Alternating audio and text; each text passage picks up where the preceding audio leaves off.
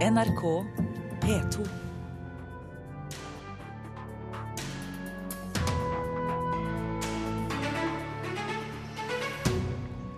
Et års utsettelse av minnestedet for Utøya-tragedien, men naboene kjemper videre for full stopp. Det er for mange aktiviteter for barn på norske museer i dag, mener politisk rådgiver i Venstre. Og de små filmene knuste de store på kanonprisutdelingen i går kveld.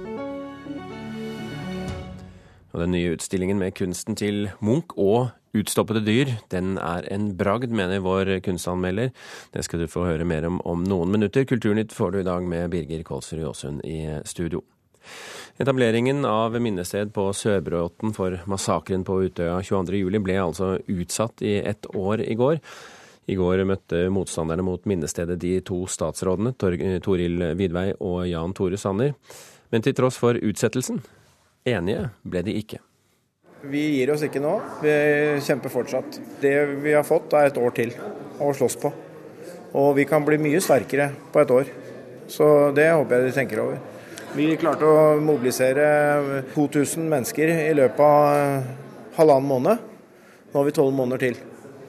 Jeg skal mobilisere flere. Kommunalminister Jan Tore Sanner lød fredeligere da møtedeltakerne kom ut etter tre kvarters møte. Det er viktig at vi får til en verdig og god eh, prosess, og ikke eh, starter graving og bygging før kommunen har ferdigbehandlet saken. Det får vi tid til nå. Nå får vi tid til en god prosess i Hole kommune, eh, hvor alle som eh, skal bli hørt, vil bli hørt. Og, det mener vi vil eh, tjene, tjene saken. Vi må rekapitulere litt. I slutten av februar vant kunstneren Jonas Dahlberg konkurransen om å utforme minnestedet. Det er både bejublet og beskrevet som et sår i naturen. En odde skal fysisk deles i to, vannet renner fritt mellom de to delene, og navnene på ofrene for Utøya-massakren står på den ene veggen. Minnestedet vakte sterke reaksjoner fra naboene som ikke ble involvert i forarbeidet. De ønsker heller ikke den daglige påminnelsen som minnestedet gir, og har engasjert advokat Harald Stabel for å få stoppet det. Standpunktet fra naboene er helt klart. De har stilt et uh, direkte, nærmest ultimatum om at det er greit med minnested, også i Hole kommune, men den skal ikke legges i Sørbråten av hensyn til naboene og, store, og det store problemet de har med å se en, et eventuelt minnested hver dag også fra stuevinduet. Og det må man kunne respektere. Det blir kamp eh, rett og slett om et års tid når dette kommer opp igjen? Ja, Velforeningen, og, eh, som representerer eh, den største delen av befolkningen i Hole kommune, er helt klare på det. At det skal ikke legges der.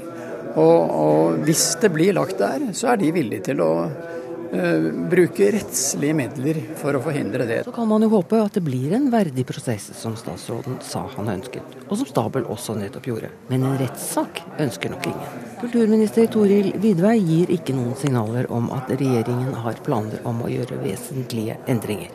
De viktigste ankepunktene fra naboene det var å finne et nytt sted.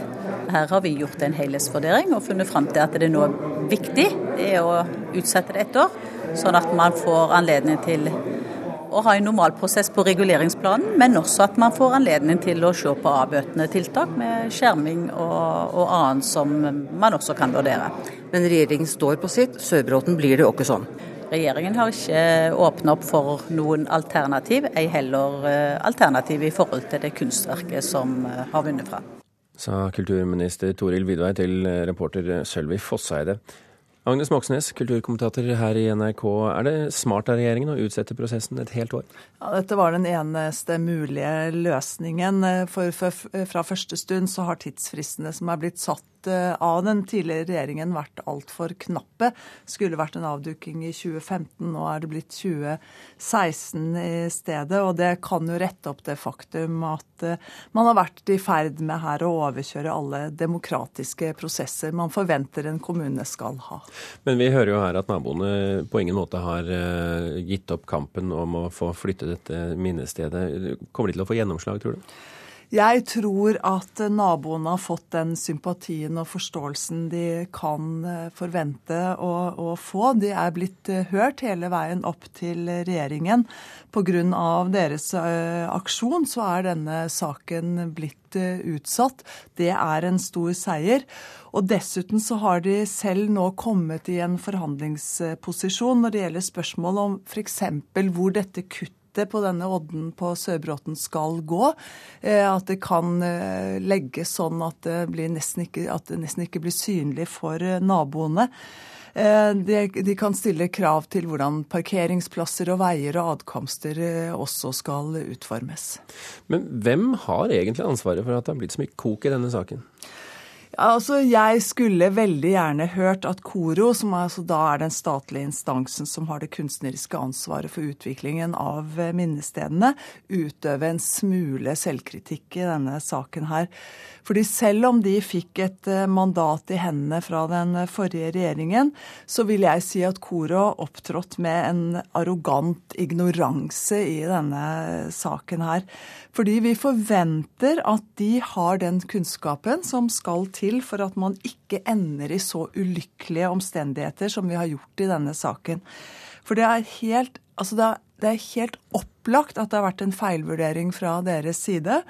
At de som skal være vertskap for dette minnestedet, ikke har sittet i juryen som valgte utformingen av det.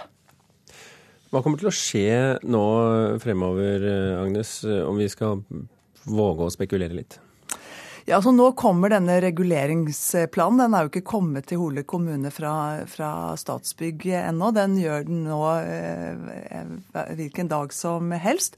Så sendes den ut på høring og skal drøftes i kommunestyret. Så akkurat nå så er det kommunen som virkelig får denne saken rett i, i fanget. Og det blir nok en krevende jobb både for ordfører og kommunestyre. Men det er jo også hos kommunen den på sett og vis hører hjemme, mm. på mange vis. Et minnested på Sør Sørbråten. Blir det det? Ja, jeg syns det. Jeg syns det er et godt valgt eh, sted. Eh, det er, eh, gir rom for privat sorg. Det er tett ved vannet. Det tror jeg er svært viktig i denne sammenheng.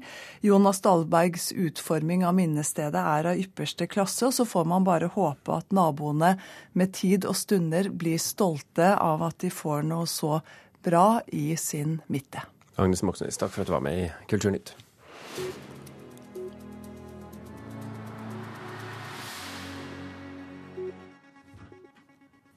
Flere tidligere journalister i danske Se og Hør bekrefter at ukebladet fikk informasjon om kongelige og andre kjente personers kredittkortbruk. Det var nærmest som om virkeligheten overgikk fantasien, forteller den tidligere Se og Hør-journalisten til Berlingske Tidene i dag. En annen tidligere Se og Hør-ansatt hevder i en bok som kom ut i går, at ukebladet betalte en IT-ekspert for å få tilgang til kjendisers eh, kredittkortutskrifter. Politiet skal nå etterforske saken. Kulturminnefondet lover å bli raskere. Dermed kan eiere av verneverdige hus og andre kulturminner håpe på pengestøtte raskere enn før. Det skriver Nasjonen. Kulturminnefondet får i år 63,5 millioner kroner til å ta vare på verneverdige kulturminner i hele landet. Omtrent det samme som Vegvesenet bruker på å bygge en vanlig rundkjøring, påpeker direktøren. Nylig åpnet utstillingen Gjennom naturen på Munch-museet. Dette er en utstilling der Munchs arbeider vises sammen med en rekke objekter fra Naturhistorisk museum, som fossiler, utstoppede dyr, reptiler på formalin og sommerfugler på knappenåler. Og Mona Palle Bjerke, kunstkritiker her i NRK, hva slags utstilling har dette da egentlig blitt? Ja, Dette er en utstilling som er et samarbeid som man forstår, mellom Naturhistorisk museum og Munch-museet, hvor det er en utstilling på Munch-museet og en Munch-sti i Botanisk hage. Og eh, det er det de vil her med denne utstillingen, det er jo å hente Munch ut av den klassiske historisk-biografiske tolkningstradisjonen. Og se på han med nytt blikk, mer med, eh, fra, med et uh, naturhistorisk perspektiv, rett og slett. Men intuitivt så kan man jo uh, se for seg i hvert fall at, at dette er noe museene gjør fordi det ligger bare på hver sin side av gjerdet på Tøyen i Oslo. Så hvordan knytter de Munch opp mot dette naturvitenskapelige universet? Det er nok mer enn naboskap. Eh, fordi at det de gjør her, er å ta tak i motiver og tematikker som jo er hos Munch, som knytter seg til eh, prosesser i naturen, både liv og død selvfølgelig, og det store kretsløpet i naturen, men også stoffveksling og krystallisasjon. Og så tar de tak i f.eks. et bilde som sjalusi, og stiller det opp mot eh, kjønnsseleksjon, hvor de bruker da sommerfugler, disse vakre fargene de utvikler for å, for å finne seg en egnet make. Og så er det befruktningsprosessen stilt opp mot eh, Madonna, hvor vi kan studere sædcellenes bevegelser i en film eh, da, gjennom mikroskop. Nå er det jo ikke bare Munch som er verdensberømt, for også på Naturhistorisk museum så har de jo denne 47 millioner år gamle fossilen Ida, som, som mange har hørt om. Hvilken rolle spiller eh, Ida i i denne, denne Munch-utstillingen? Den spiller en, en, hovedrolle sammen med bildet Skrik. De er stilt sammen, og dette er en veldig interessant eh, sammenstilling. Det åpner for en helt annen opplevelse og forståelse av skrik, slik jeg ser det. Skrik er jo ikke bare bildet av en skrikende skikkelse, det er et bilde som skriker, med sine skingrende farger, med sine vibrerende penselstrøk og med dette destabiliserende diagonalperspektivet. Og det er et bilde som fremdeles virker sterkt på oss, men i den grad det virker litt svakere enn det kunne gjort, så er det fordi vi har sett det så utrolig mange ganger.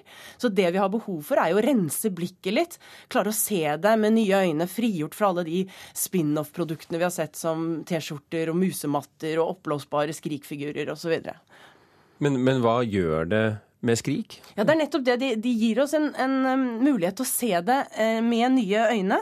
Fordi det de gjør Men hva er det vi da ser med nye øyne? Ja, fordi at Ida bringer inn dette svimlende tidselementet, denne, denne avgrunnen av tid. Så eh, løsriver Skrik fra en sånn modernitetsfortelling som vi alltid leser det inn i med det, det moderne, fremmedgjorte individ.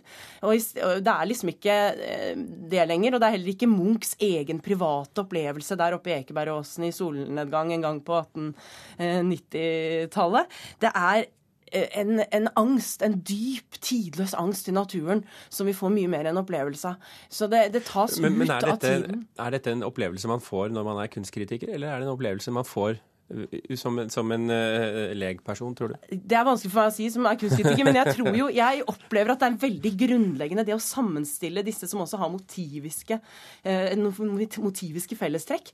Det, det, er utrolig sterkt. som et sånt, uh, Det blir mye mer en sånn grunnleggende angstskildring og en sånn dødspåminnelse da med den det lille sammenkrøpede skjelettet og, og den dødningelignende skrikende skikkelsen. Vårt lille, korte liv. Er det blitt en bra utstilling? Det syns jeg har blitt en veldig bra utstilling. Det er jo en dristig idé, og det, en dristig idé skaper ikke nødvendigvis en god utstilling. Det kunne blitt et kjempe mageplask hvis de ikke hadde klart å gjennomføre, men de, de klarer å levere på denne ideen. Og man oss hele tiden vise oss uh, at dette er en relevant forbindelse mellom dette naturhistoriske universet og Munchs uh, rike kunstnerskap. Tøyen er altså stedet for, eh, for, alt dette her, inkludert også Botanisk hage eh, og den stien de har laget der i anledningen. Mona Palle Bjerke, tusen hjertelig takk for at du kom til eh, Kulturnytt. Klokken er 16 minutter over åtte. Du hører på Kulturnytt, og dette er toppsaken i NRK Nyheter akkurat nå. Folk over 50 advares mot å si opp jobben. Det kan være vanskelig å få ny jobb, viser undersøkelse. Private barnehager velger ut hvilke barn som skal gå i deres barnehage. Foreldre mener trynefaktor avgjør. Og 8 lønnsvekst til lektorer eh, som er ansatte i kommunene, det er akademikernes krav i årets oppgjør. Så skal vi til eh, Trondheim. Jeg tilbake igjen. Jeg er mora hennes. Jeg vil ha hun hos meg. Kjenner noen som skylder deg bank, jeg.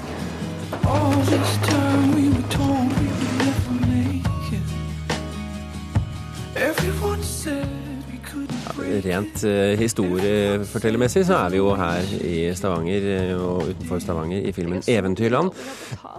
Jeg nevnte Trondheim fordi at i, i går vant Eventyrland pris for beste regi under filmfestivalen i Trondheim, Kosmorama. Og vi snakker om eh, Kanonprisene. Birger Vestmo i NRK Filmpolitiet, beste regi eh, og også beste produsent til denne filmen. Er det å gå for langt å si at 'Eventyrland' var den filmen som kom best ut av det i går? Nei, det er helt riktig. Det står igjen som gårdagens store vinner under Kanonprisen. Og den føyde seg inn i en liten gruppe med små norske filmer som eh, gikk seirende ut med flere priser, mens de store måtte gå noe slukørete hjem tomhendte. Ja, Hvilke store filmer snakker du om da? Pioner eh, vant ingenting. Eh, det samme skjedde med 1000 ganger God natt, som var nominert i fire kategorier. Og heller ikke publikumssuksessen Solan og Ludvig, Jul i Flåklypa, fikk eh, en kanonpris i, i går. Mens eh, av de mindre filmene, de med lavt budsjett, så har vi allerede nevnt Eventyrland. Jag etter vind fikk eh, to priser. En for Marie Blokhus sin kvinnelige hovedrolle, og en for Ola Kvernbergs eh, musikk. Så det lønte seg å være liten eh, på Kanonprisen i går kveld. Ja, hvorfor har det blitt sånn, tror du? Nei, dette er jo en eh, prisutdeling der de ulike faginstansene sjøl stemmer frem sine egne. Så da er det fra sine egne man skal ha det, åpenbart. Og det gjøres jo mye solid filmarbeid også i de små filmene, åpenbart. Og det så vi et bevis på i går kveld. Men, men er det rettferdig, vil du si, hvis vi skal eh, se 2013 under ett? Ja, altså eh, Det må man jo kun si. Dette er jo en demokratisk avstemning, eh, til forskjell fra Amanda, som, eh, der juryer eh, gjør arbeidet. Så sånn sett så er jo Kanonprisen en mer demokratisk rettferdig eh, måte å, å bli hedra på enn det Amanda kanskje er. Men så kan man også få inntrykk av at prisene ble fordelt litt rundt omkring. Ingen fikk veldig mange priser, alle fikk litt. Er det et feil inntrykk? Nei, altså prisene ble spredd litt rundt omkring, kan du si det. Uh, ingen uh, pekte seg ut som eh, kveldens uh, store juggernaut, for å si det slik. Så eh, her fikk en som deg pris for beste mannlige hovedrolle, Espen Kloman Høyner. Victoria fikk pris for beste produksjonsdesign, Petter Bevman og Are Sjåstad. Gåten Ragnarok fikk for beste lyddesign, Christian Skonning, og også en publikumspris. Hva, hva sier disse prisene om eh, filmåret 2013, da? Ja, det er vanskelig å lese et filmår ut ifra en prisutdeling, men det kan tyde på at eh, det lønner seg å, å være liten og fortelle en eh, liten personlig dramahistorie. Eh, det lønner seg også å ha godt skuespill, som i alle filmer selvfølgelig. Eh, og så er det da et bevis på at det går an å lage god film og få gjennomslag eh, for det man gjør, eh, uten å bruke veldig mye penger på det. Kanonprisen er jo blitt eh, delt ut siden eh, sånn 2004 omtrent. Eh, Hva slags status har, har denne prisen fått, f.eks. sammenlignet med Amanda? Amanda er nok fremdeles eh, størst. Den er TV-overført og får eh, mer medieoppmerksomhet. Men jeg snakka med flere filmskapere i går kveld i Trondheim som satte veldig pris på Kanonprisen, fordi dette er jo da en intern feiring. Det er da klapp på skuldra fra sine egne, som jeg var inne på. Så det er en, en, en verdifull eh, tillegg, da, kan, kan vi si det slik, til Amanda-prisen. Men i og med at dette er en mer internt retta feiring som ikke overføres på fjernsyn, så er det nok mest for filmbransjen sjøl.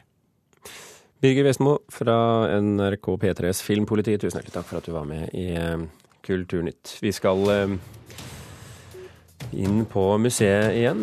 Det er eh, for mange tilrettelagte aktiviteter for barn på norske museer, og for få for de voksne. Det mener masterstudent og politisk rådgiver i Venstre, Per Magnus Finanger Sandsmark. Hasten er jo et symbol. Hva var det hasten var et symbol på? Det sa Styrke, liv og befruktning. fruktbarhet. Ja. Fruktbarhet. Veldig bra, du har fulgt med. En åttende klasse får omvisning på Norsk folkemuseum. Her får de se, føle og oppleve norsk kulturhistorie. Det er litt eh, gøy å vite hvordan folk levde det i gamle dager. Lærer dere veldig mye av å gå rundt og se på museer? Eh, ja, det er, det er veldig nyttig egentlig, og jeg synes det er veldig lærerikt i tillegg, og så er det gøy i tillegg. Barn og unge mellom 9 og 15 år går mest på museum. Og det stilles i dag krav til offentlige museer om tilrettelegging for nettopp denne gruppen. Men det er ikke bare de under 15 som lærer av å se, føle og lukte. Nå skal vi bort til eh, lavvoen på eh, Folkemuseet. Dette er Per Magnus Finnanger Sandsmark. Han er politisk rådgiver i Venstre og skriver for øyeblikket en masteroppgave om formidling på museer. Jeg ser jo hvordan en lavvo er, har mulighet til å ta på. Så her lærer jeg jo eh, ganske mye. Og det er nettopp læring for voksne Sandsmark vil ha mer av. Mandag publiserte han en kronikk i Aftenposten hvor han mener det store fokuset på barn ødelegger for voksnes opplevelser på landets museer. Og han etterlyser derfor flere aktiviteter, spesielt for de mellom 35 og 55. Det som jeg syns er hovedproblemet, er at vi bruker veldig mye ressurser på å lage nye, spennende opplegg for barn. Vi bruker nesten ingen ressurser på å se om voksne kan lære annerledes. Og jeg tror at flere voksne hadde gått på museum hvis vi hadde turt å eksperimentere litt, turt å prøve ut litt nye måter for at voksne kan lære. Når du har å gjøre med barn, så må du tilrettelegge noe spesielt for barna. Det forteller rådgiver ved Norsk folkemuseum, Jon Ilseng. De er et av mange museer som har nettopp barnefamilier som sin hovedmålgruppe. Men han er uenig med Sandsmark om at det er for mye fokus på barna. Og det er i hvert fall ikke, for å snu det litt på hodet, så er det i hvert fall ikke så mange at det skygger for de tingene som er tilrettelagt for voksne. Generalsekretær i Norges museumsforbund Liv Ramskjær ser på sin side flere av poengene til kronikkforfatteren, og mener helt klart at det er et potensial for å nå ut til enda flere grupper. Økt mangfold eh, og, bredde i tilrettelegging, og kanskje også fokus på at eh, de oppleggene man lager skal kunne fungere godt for mer enn én gruppe, kan være én løsning på, på den utfordringen. Tilbake på Norsk folkemuseum lærer Sandsmark litt om samisk reinfangst og lassoknuter. Se om jeg klarer å fange trereinsdyret. Og det klarte jeg nesten ikke. Eller nå henger den over geviret, men jeg klarte ikke å fange reinsdyret skikkelig. Han eh, tror det er et eh, spørsmål om prioriteringer som forhindrer museene i å lage flere aktiviteter som denne. Jeg tror det ikke lenger bør være et krav at alle museer skal tilpasse seg barnefamilier. Jeg tror at noen museer like gjerne kan være kjempegode på å gi det beste tilbudet til 40 år gamle menn og damer. Reporter her, det var Marie Røsland.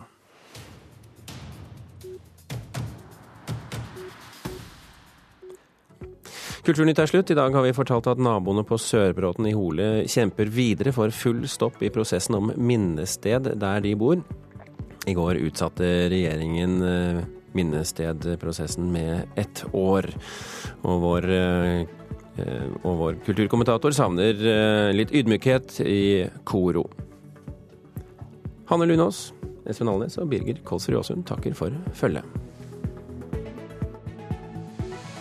Hør flere podkaster på nrk.no podkast.